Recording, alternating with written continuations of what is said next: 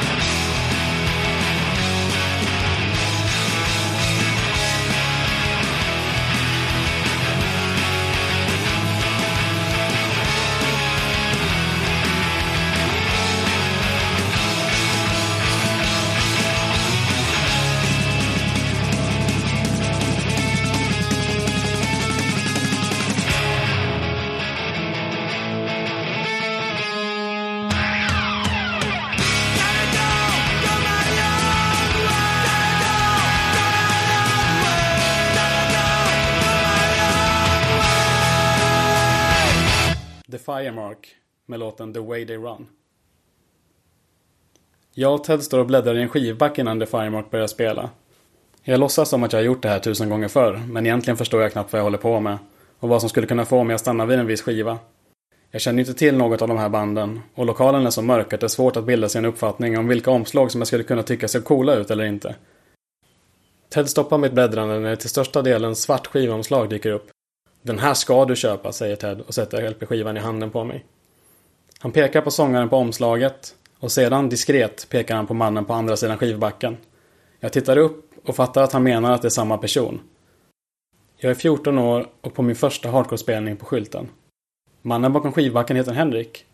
Och skivan jag köper av honom börjar så här.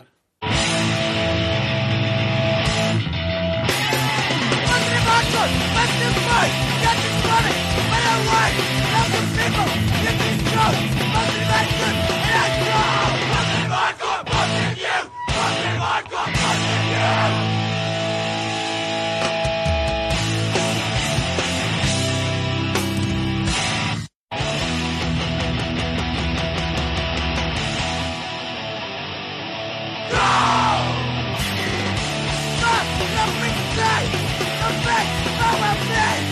At say. I need nothing. Never the my friends so big. Get it up, Put it, take it, it now. Throw it, spin it, take it through. Let it fall.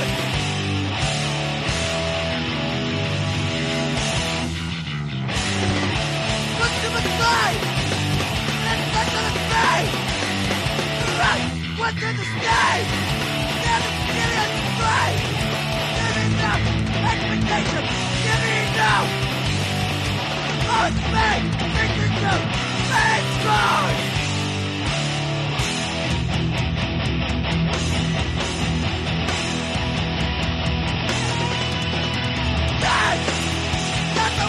supposed to be in your mind.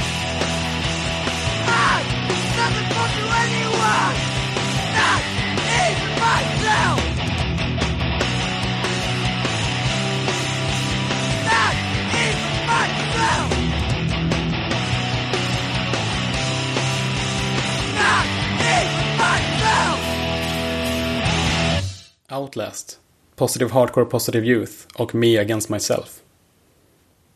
Jag heter Ulf Hammarskär. Jag är 33 år gammal. Jag har en fru som heter Anna och en dotter som heter Karin. Jag bor i Malmö men är född och uppvuxen på Östgötaslätten i en liten by som heter Klockrike. Jag jobbar som art director och grafisk formgivare och spelar gitarr i Manic Ride och Night Bloomer. Jag har tidigare spelat i band som Anchor och Balance och jag har gjort ett fanzine tillsammans med min vän Kalle Garmark som heter Effort Fanzine. Och jag är fortfarande straight edge. Jag tänkte prata lite om vem jag är och gå igenom en del sånt som antagligen är anledningen till att Nere på Noll bad mig att göra det här. Det är inget som jag är särskilt bekväm med ska ni veta. Att berätta vad jag har hållit på med i våran scen utan att få det att låta som att jag bara sitter och skryter. Det är en balansakt av rang och jag vet inte hur väl jag lyckas med det ärligt talat. Under arbetet med att göra detta har Jante knackat mig på axeln hela tiden och tyckt att jag borde skita i alltihop. För vem fan bryr sig? Kanske är det också därför som jag skickar in det här avsnittet till podden långt efter deadline. Men Nere på Noll har ju inte blivit där de har blivit av att prata om sånt som ingen bryr sig om, så kanske finns det någonting här ändå. Jag växte upp på kommungränsen mellan Motala och Linköping i en liten by som heter Klockrike. Alla som får höra var jag kommer ifrån tycker att det låter så fint, och det får jag hålla med om, även om det är svårt för någon som i unga år gjorde allt för att komma därifrån. I Klockrike finns en skola, en busshållplats och en fotbollsplan. Ungefär 300 personer. 300 personer är ganska lätt att hålla koll på och det gjorde folk. Man visste vem som var mobbad, vem som hade skilda föräldrar, i vilket hus någon har tagit livet av sig. Även mångas hemligaste hemligheter var snudd på allmänbildning ute på landsbygden. På en så liten ort fick man liksom trolla lite med det som fanns att tillgå. Det fanns helt enkelt inte så mycket att hitta på. Jag spelade fotboll, för det kunde man göra. På torsdagar kunde jag spela pingis och äta grillchips på fritidsgården. Och ett tag kunde man spela innebandy på lördagar i Borensberg som låg ett samhälle bort. Då gjorde jag det också. Jag hade en bra och trygg uppväxt hemma med mamma, pappa och lillasyster. Däremot hade jag väldigt svårt att hitta min plats i skolan. Själva undervisningen gick bra och jag har egentligen alltid haft ganska lätt för att lära mig. Vilket har gjort att jag aldrig lärt mig någon ordentlig studieteknik och enklast motiveras genom en riktigt tight deadline. Men utanför undervisningen i skolan, på rasterna, var det slagsmål, mobbning och utfrysning. Mer eller mindre fram till att jag började högstadiet. Det är inte så jävla roligt att snacka om, så jag tänker att vi skiter i att gå in djupare på det. Men ni som har varit med om samma sak vet att det visserligen blir bättre med tiden. Men än så länge har det inte slutat påverka mitt liv. Jag kände mig aldrig accepterad som en i mängden och till slut så bestämde jag mig för att inte försöka vara det heller. Vad de andra än var, så ville jag vara något annat. Jag tror att den upplevelsen har gjort att jag tidigt fick en bestämd uppfattning om vem jag är och vad jag tycker är vettigt att hålla på med. Och det gjorde mig relativt immun mot grupptryck. Det är en styrka, men det är en dyrköpt sådan.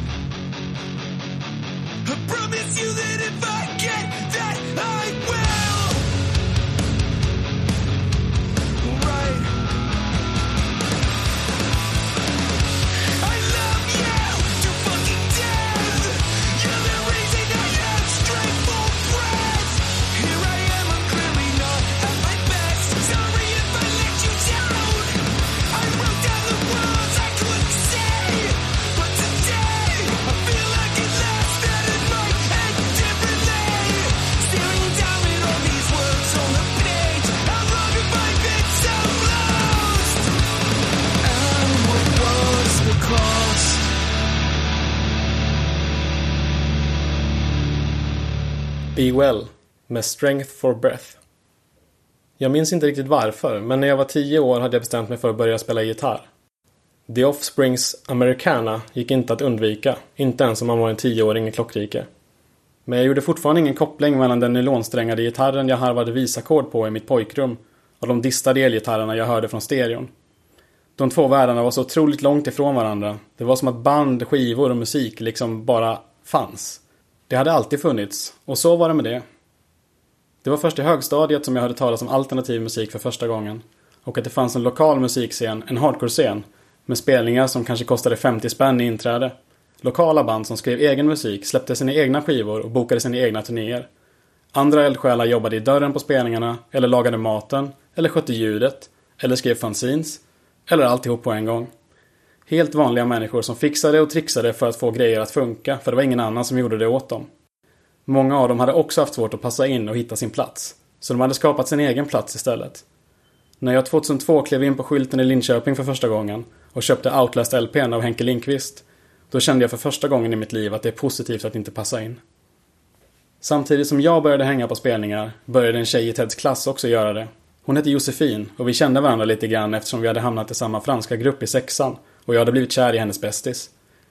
Josefin och jag blev snabbt väldigt tajta kompisar, framförallt när vi började gymnasiet och då hamnade i samma klass.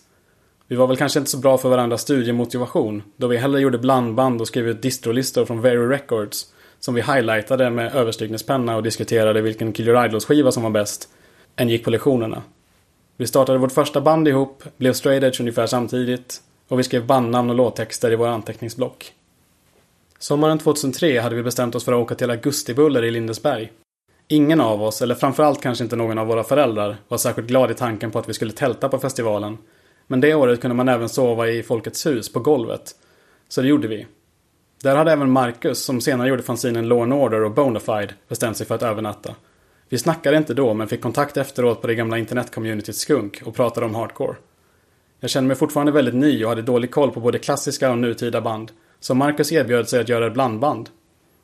I brevlådan fick jag sedan ett kassettband med vad som närmast kan beskrivas som en crash course i Youth Crew-influerad hardcore från 80-talet fram till idag. Band som Seven Seconds, Red Tape, Section 8 och Lifetime blev nya favoriter. Jag minns inte själva festivalen det året som något speciellt, men det som däremot fastnade var första låten på blandbandet. Det amerikanska bandet The First Step med låten Something Inside.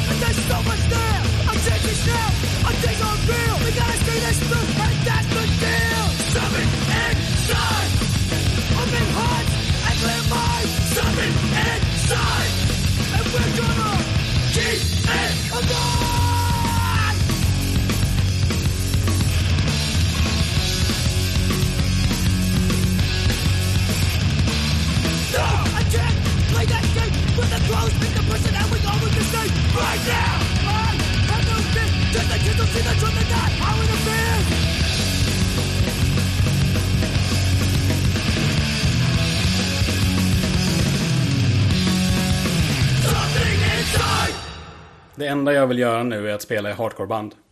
Genom att titta på gitarristerna jag sett på skylten börjar jag lära mig hur det funkar att spela hardcore-gitarr. Och Josefin ska spela bas. Vi vill starta ett straight edge band som låter som de som jag har hört på blandbandet. Dock får man väl säga att i början av 2000-talet i Linköping har återväxten av straight edge kids lämnat en del att önska sedan 90-talets våg. Vi vet att det finns en kille som heter Jens som spelar trummor och är straight edge. Så vi gör som han gjorde 2004 och skickar ett meddelande på Skunk och frågar om han är intresserad. Det var han. Och han hade replokal också. Han rekryterade sedan sin kompis Gustav och vi bildade bandet Life Ahead. Vi gjorde kanske en handfull spelningar och ett demo som väl fick ett ljummet mottagande. Bandet stannade snart av i takt med att någon slutade vara straight edge och någon annan ville spela ett annat instrument. Och det där fick vi aldrig någon rädsida på. En dag får jag ett meddelande från Erik som sedan spelade i Lions Den och Stay Hungry. Vi känner inte varandra men han och Alex, som jag känner igen från det lokala bandet Last Hope, ska starta ett nytt band och de har snappat upp att vi gillar samma typ av hardcore. Nu är jag 16 år, de är nästan 10 år äldre än mig. Jag blir svinnervös bara av frågan men känner att jag måste säga ja. Tillsammans med Ante och Kalle bildar vi Go for Broke. Vår första spelning blir hösten 2005 i Trollhättan. Och på affischen står vi omnämnda som All-star-band från Linköping och Stockholm. Ingen press. Go for Broke handlade mest om att äta pizza, prata om hardcore, åka på spelningar, titta på dumma komedier och spela basket. Och kanske inte lika mycket om att nöta långa timmar i replokalen och lägga den där extra ansträngningen på att skriva så bra låtar vi kunde. Men vi släppte ett par skivor och spelade några bra spelningar. Framförallt på Café 44 i Stockholm. Och vi gjorde en kortare Europaturné. I samband med att vi lägger ner bandet släpper vi själva vår sista sjua. Den är jag fortfarande väldigt stolt över.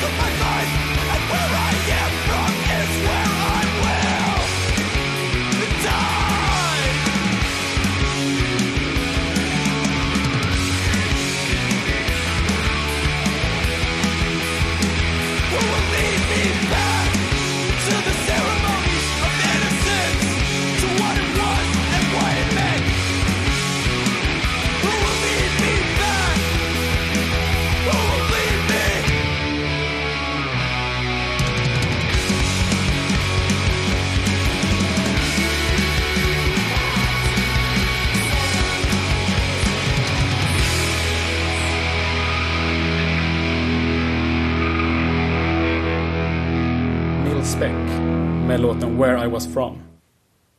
Jag flyttar hemifrån 2007 till Lund. Nästan alla som frågar antar att jag gjorde det för att plugga. Och det var väl kanske det jag försökte övertyga mina föräldrar och mig själv om också. Men egentligen så handlade det mer om att jag, Johan och Kalle hade bestämt oss för att bo ihop och tillsammans med Max starta Balance. Vi hade alla en bakgrund i band som låg väldigt nära Youth Crew-soundet med den positiva tematiken som ofta följer med. Nu ville vi göra något annat. Ett snabbt och förbannat straight edge band som inte ursäktade sig. Vi var kompromisslösa och jävligt bestämda gällande vad vi skulle göra. Vi ville spela en typ av hardcore som kanske inte var den man mest förknippade Sverige med just då. Och vi ville ut och spela. Vi var så sjukt hungriga på att spela. Mellan januari och augusti 2008 gjorde vi tre Europaturnéer. På ett kassettdemo. Vi hade alla fastnat för livet på vägarna och ville bara göra mer. Vi var väldigt inspirerade av det som hände i Belgien och Holland på den tiden. Med band som Justice, True Colors, Restless Youth och Deadstop. Och deras egna bolag Complete Control och Powered. Om jag i Go For Broke hade lärt mig att spela i ett hardcoreband så var det i Balance jag lärde mig slitet. Vi var engagerade i mycket av det som hände på Hemgården i Lund och till skillnad från hur vi upplevde att det var på många andra hardcorefesten i Sverige där man främst bokade utländska band med lokal support ville vi på Hemgården se till att de lokala banden kunde ha minst lika stor dragningskraft som ett turnépaket från USA. Hemgården var otroligt speciellt för Balance och vi hade aldrig fått det momentum vi hade om det inte hade varit för Hemgården. Vi repade i källaren, arrangerade spelningar på nedervåningen och spelade in skivor på övervåningen. Våren 2008 spelade vi in vår sjua In Like a Lion och samma helg öppnade vi för The First Step på Hemgården. Vilket också är varför Steven och Aram från bandet lägger gästsång på skivan tillsammans med Daniel från Common Cause som också spelade samma kväll. Sommaren 2008 släpps skivan på holländska Not Just Words Records och vi åker på en kortare Europaturné tillsammans med Commitment Crew. Samtidigt började vi skriva låtar för en split-EP med Hårda Tider och sedan var siktet inställt på en LP. Tidigare nämnda Powered bokade det som blev vår sista Europaturné. En månad tillsammans med amerikanska Soul Control. Redan innan turnén hade Johan ringt till mig och berättat att han inte var sugen längre. Han ville göra något annat. Och turnén och den kommande LP-inspelningen skulle bli det sista han ville göra med Balance. Det var aldrig aktuellt att försöka hitta någon annan sångare. Det vi fyra hade var något speciellt. Och det var vi eller inget alls. LPn blev inspelad så nära som på sången. Men om något någonsin kommer hända med de låtarna är än så länge skrivet i stjärnorna. Så här i efterhand tycker jag att Balance var allt den typen av hardcoreband ska vara. Kort brintid, men intensiv som satan.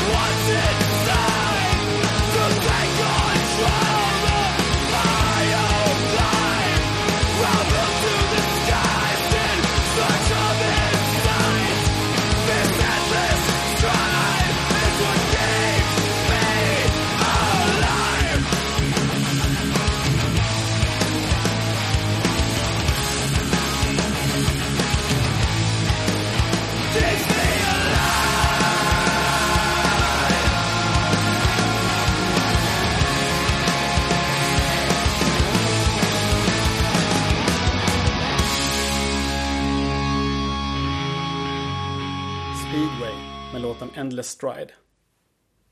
Tja, det här är Klas. Du, Anchor ska till USA och Noah kan inte följa med. Har du lust att göra den turnén och spela gitarr med oss?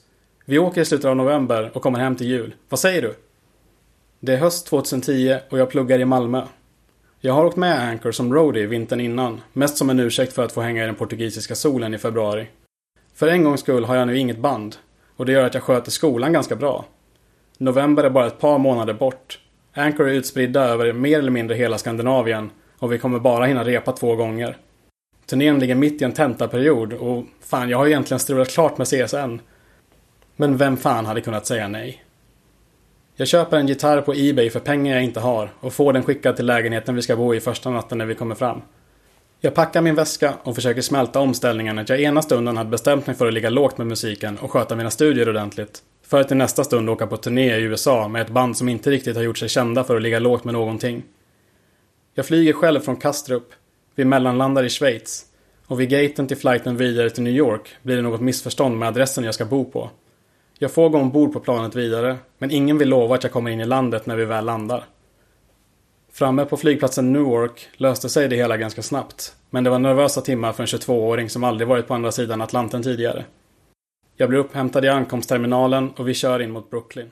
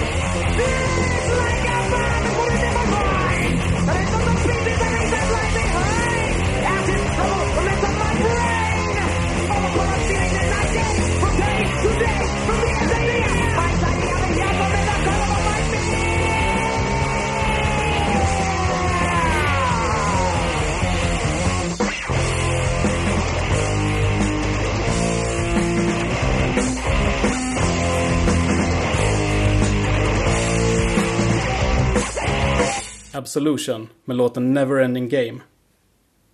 Månaden som följer blir en berg och dalbana av highs and lows. Jag själv är hög på hela upplevelsen, men verkligheten för band i USA är betydligt hårdare än den gästfrihet vi är vana vid i Europa, där mat och sovplats är något man vet är garanterat redan innan man åker hemifrån. Vi spelar på en begravningsbyrå i Buffalo och en cykelverkstad i Santa Monica. I ett garage i Reno och på legendariska Gilman Street i Berkeley.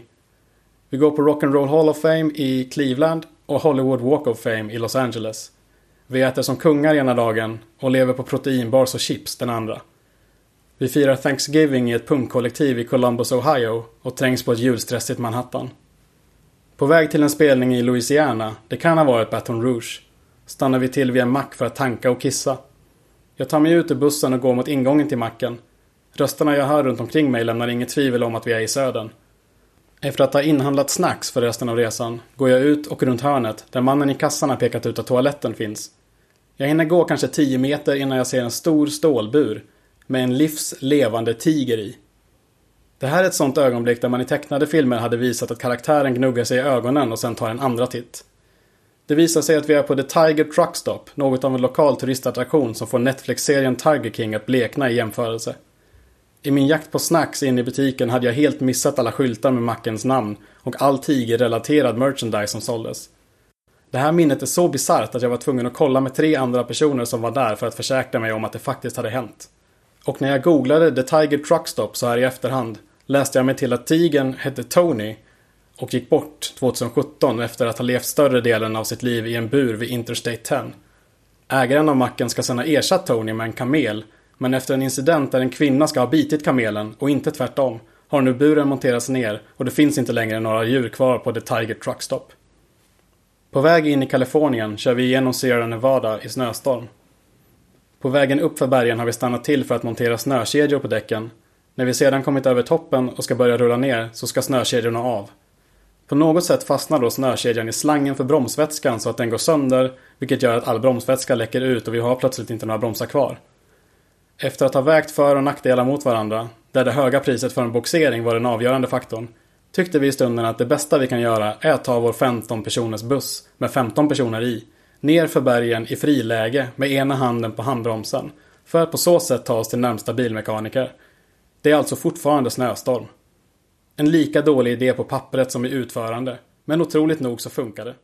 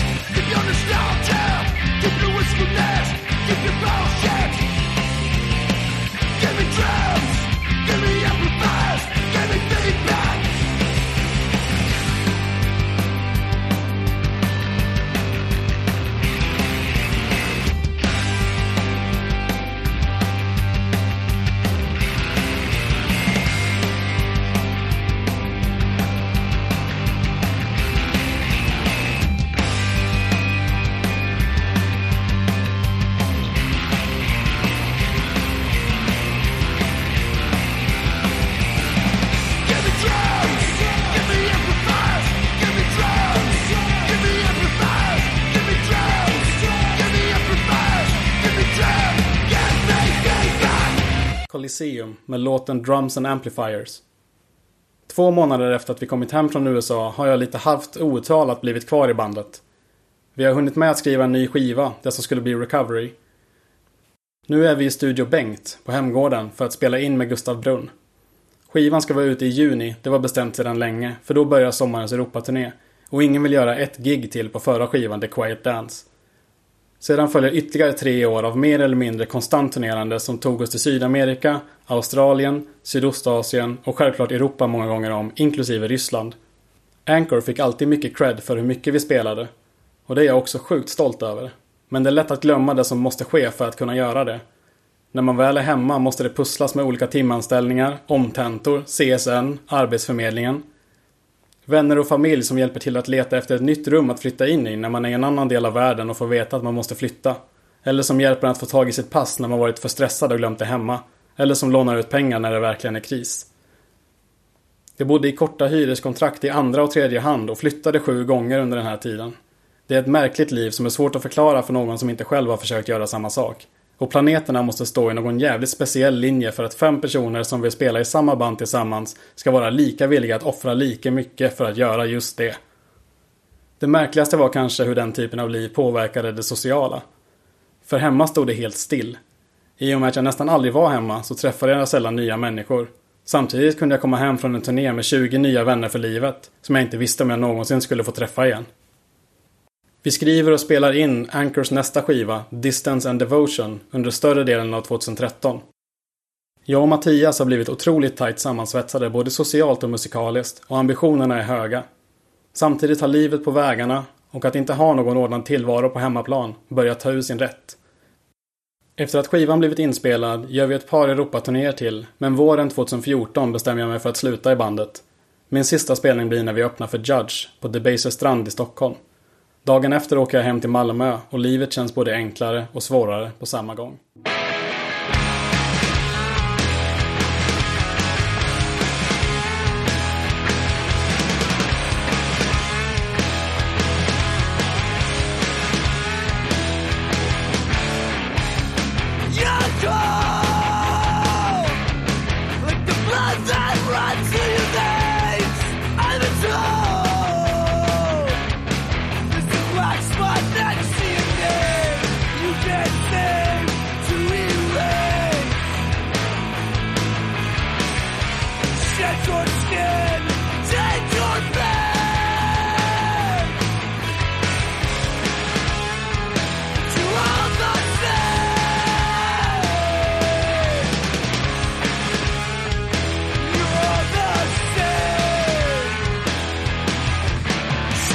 Shed your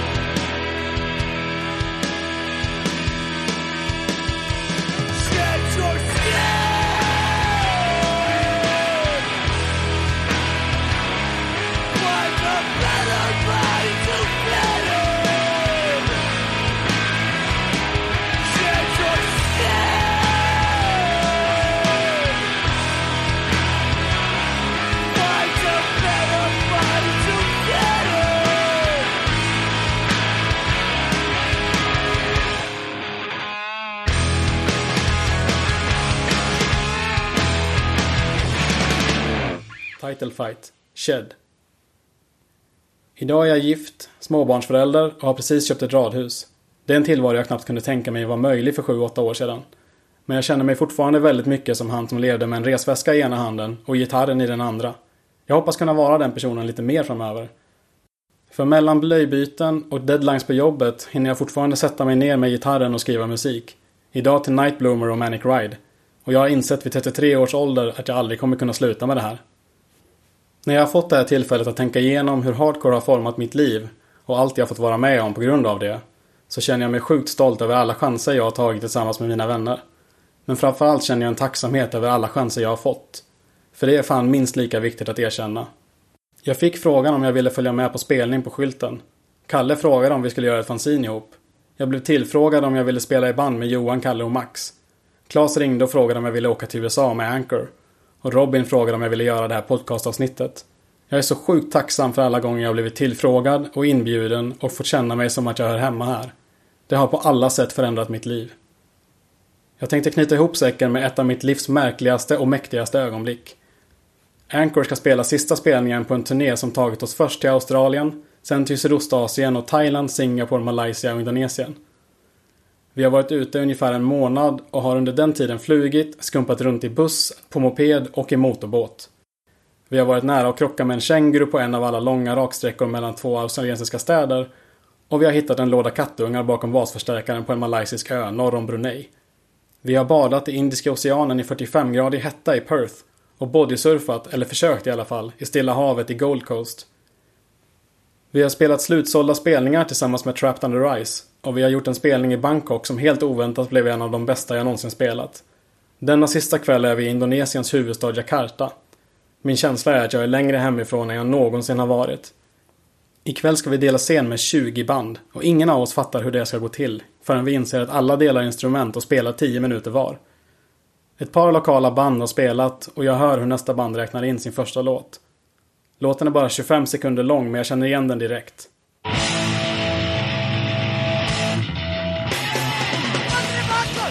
Det är Positive Hardcore och Positive Youth med Outlast. Allt kanske inte är annorlunda på andra sidan jorden. Hardcore är alltid hardcore. Mina vänner, jag hoppas att vi ses snart. Tack för att ni har lyssnat.